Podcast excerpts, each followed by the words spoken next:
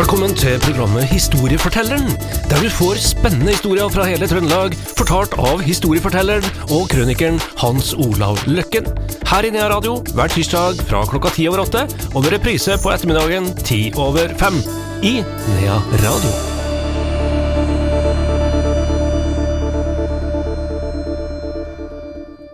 Og da er vi klar med et nytt program i eh, serien Historiefortelleren, og velkommen til Hans Olav Løkken, vår historieforteller. Ja, takk. I dag, eh, ja, skal vi si at vi blir litt, eh, litt mer språkmektig etter dette programmet, kanskje?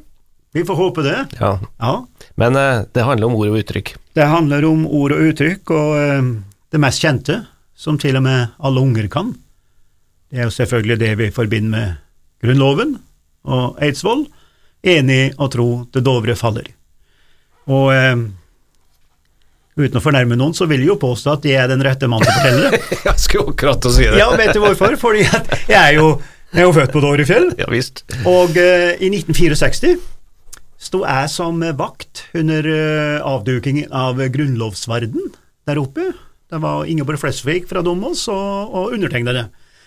Og det var da en, eh, et initiativ fra eh, ungdom i Norge om å reise en, eh, en eh, grunnlovsvarde som skulle verne om Grunnloven. Og i 64 var det da 150 år siden. Og den eh, mest naturlige plassen å reise den på var selvfølgelig oppe på Dårefjell, på Hjerken, eller Skjerkinn som vi sier på dialekt. Og hovedinitiativet kom fra speiderbevegelsen. Og der oppe bygde man da en varde, og rundt den så ligger det sju steiner, hentet fra de seks ytterpunktene i Norge, pluss en stein fra Eidsvoll. Og nå, i 2014, så var vi tilbake da 200-årsjubileet. Ingeborg Flesvig og undertegnede sto nå der. Like kaldt var det i år òg, som den gangen.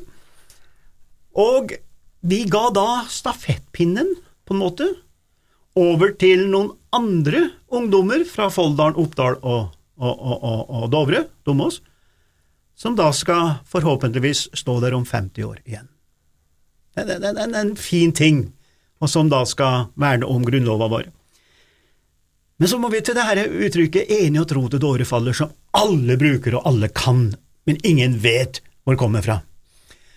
Og det var jo slik, da, etter at man har undertegna Grunnlova og skulle gå fra hverandre på Eidsvoll, da, i 1814, den 20. mai, så var det en som kom på at de kanskje skulle danne en broderring. Og en broderring, det vil altså si at du holder eh, hverandre i hendene foran magen. Det er ikke løfta, men det er kryss over. Og, den, eh, eh, og det gjorde de, de som var igjen, som ikke hadde dratt. Og den som kom på den ideen, det er visstnok en som da heter Fabricius, da, Eidsvollsmannen, fra Agder. Så jeg tenkte med meg sjøl, hva i all verden ei tangloppe fra der nede skal komme på et uttrykk som har med Dovrefjell å gjøre? Det burde jo vært noen eidsvollsmann fra oppi de store fjellheimer. Jeg er ikke sikker den har vært der engang. Nei, antagelig ikke. Men så husker jeg at eh, jeg måtte jo prøve å finne ut det der.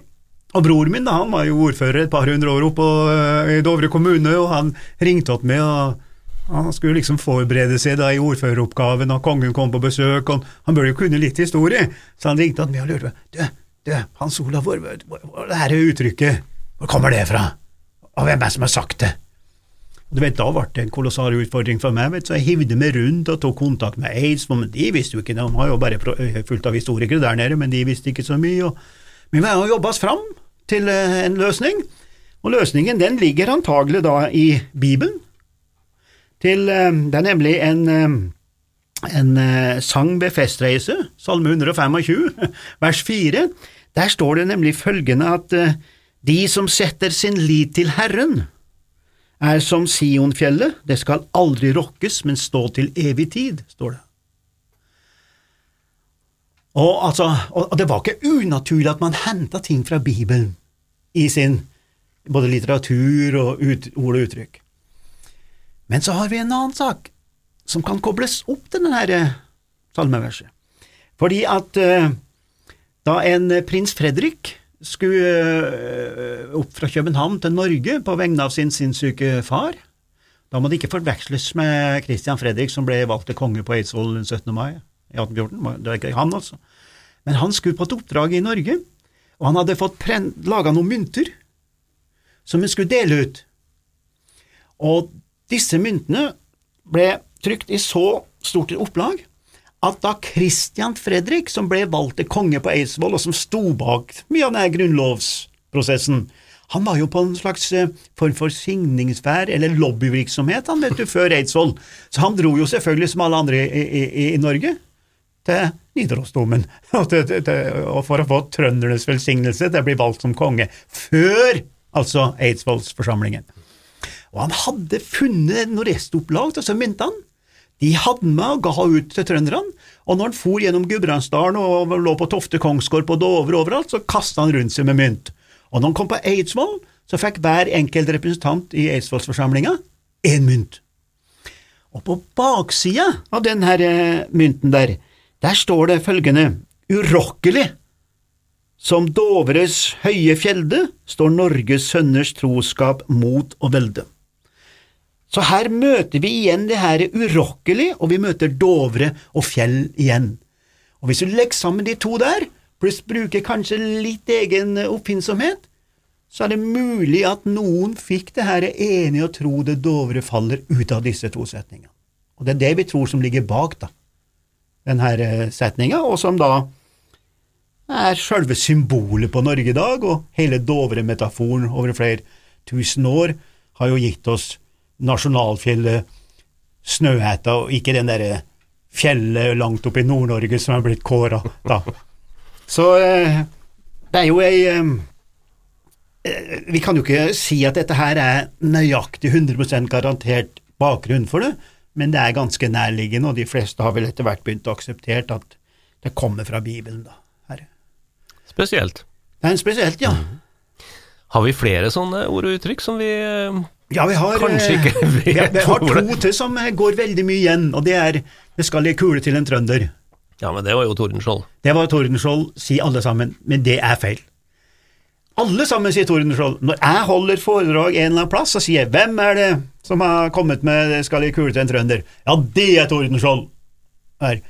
Men, og, og, det er ikke dumt svart, fordi at han som i og for seg skrev og kom med dette, han er jo slektning av Tordenskjold, og Tordenskjolds eh, døpenavn er jo Wessel, ikke sant? Altså, faren var jo Jan Wessel. Og han som skrev det her, som er veldig nær slekt med Tordenskjold, det er Johan eh, Herman Wessel, og han var satiriker på den tida, og skrev eh, Smeden og bakeren, eh, Kjærlighetens strømper og sine morovers på mange måter. Og denne, eh, denne, denne Wessel, dikteren, han holdt seg veldig mye i København, som da mange sånne intellektuelle gjorde på den tiden. De danna jo Det Norske Selskap, og det er veldig mange kjente personer som var der nede. Og embetsfolk som skulle bli embetsfolk i gåseøyne, de studerte jo i København, og, og, og ble litt sånn nasjonalromantikere da overfor Norge og sånn. Og han Wessel, han har en kamerat som het Johan Bull, og han her Johan Bull han var på eh, bekkasinjakt i lag med en annen student der nede. Og eh, jeg skal ikke si at de eh, var på noe eh, At de hadde med seg noen sterkere saker i ryggsekken, det vet ikke jeg, men det gikk ikke så veldig bra på den jakta. Så han der kameraten, den tredje kameraten der, altså, han skjøt ikke bekkasin, men han skjøt han her i Bull ved et såkalt vådeskudd. Så han, han Bull ble altså truffet i hodet av ved sånn uh, ulykke, da, kan du si, og overlevde. Og det var da den tredje, da, som han, han Wessel, ble så imponert over hvor sterk han var, han her i Bull, og derfor så skrev han da det her 'Det skal en kule til en trønder'. Det er der vi har det fra. Og hvem er han Bull i norsk historie? Jo, han er Norges første høyesterettsjustitiarius, ble oppnevnt straks etter Eidsvollsforsamlinga, og det er nummer én i Norge, og er i slekt med den store musiker og fiolinisten Ole Bull. Du verden. Ja. Men vi har ett uttrykk til, om vi får ta det til slutt. Vær så god. Ja. Det er eh, samling i bånd. Det, var jo, det må være Stjørdalsblink eller, eh, eller Rosen, Rosenborg. ja, ja, det er, jo- kan du velge, da. Men samling i bånd, det er vel noe vi bruker for å liksom si at nå skal vi ta sammen, og så skal vi lykkes. Ikke sant? Nå samler vi oss, og så står vi sammen og lykkes. Og han som sa det her, det er en Ole Reistad. Han var da med i motstand, han var jo med under krigen. Han var sjef for eh, en meget kjent plass hvor vi utdanna flyverne våre under krigen og straks etter krigen, og langt ut på 50-tallet, og den plassen heter Little Norway i Canada, som dere mange har hørt om. Han eh, steg jo i gradene, men han var en ganske tøffing, og han var litt mer som han eh, Fleischer, general Fleischer under krigen, ikke sant. Han ble også forbigått, og han begynte å snakke makta imot, og du blir ikke så veldig populær bestandig hvis du ikke er politisk korrekt og alt det der, ikke sant? Og sånn var Ole Reistad òg. Han ble ikke så populær blant eh, toppene i Forsvaret, så de beordret han til Bardufoss, og som på den tiden da var en utpost. Da, der. Og eh, jeg er jo på flyskolen på Bardufoss, og der oppe er det jo bautaer og statuer, og han er jo den store der oppe, selvfølgelig. Og han var en eh, veldig flink fyr, både militært og innsport. Så han var da flaggbærer i St. Moritz i 1928, og da var det en del prøveidretter, sånn som det stadig er, det utvides jo, det her begrepet med idrett, også under olympiaden. Og da var det nok en idrett som var forløperen til skiskyting. På ski, men det var en sånn patruljeløp.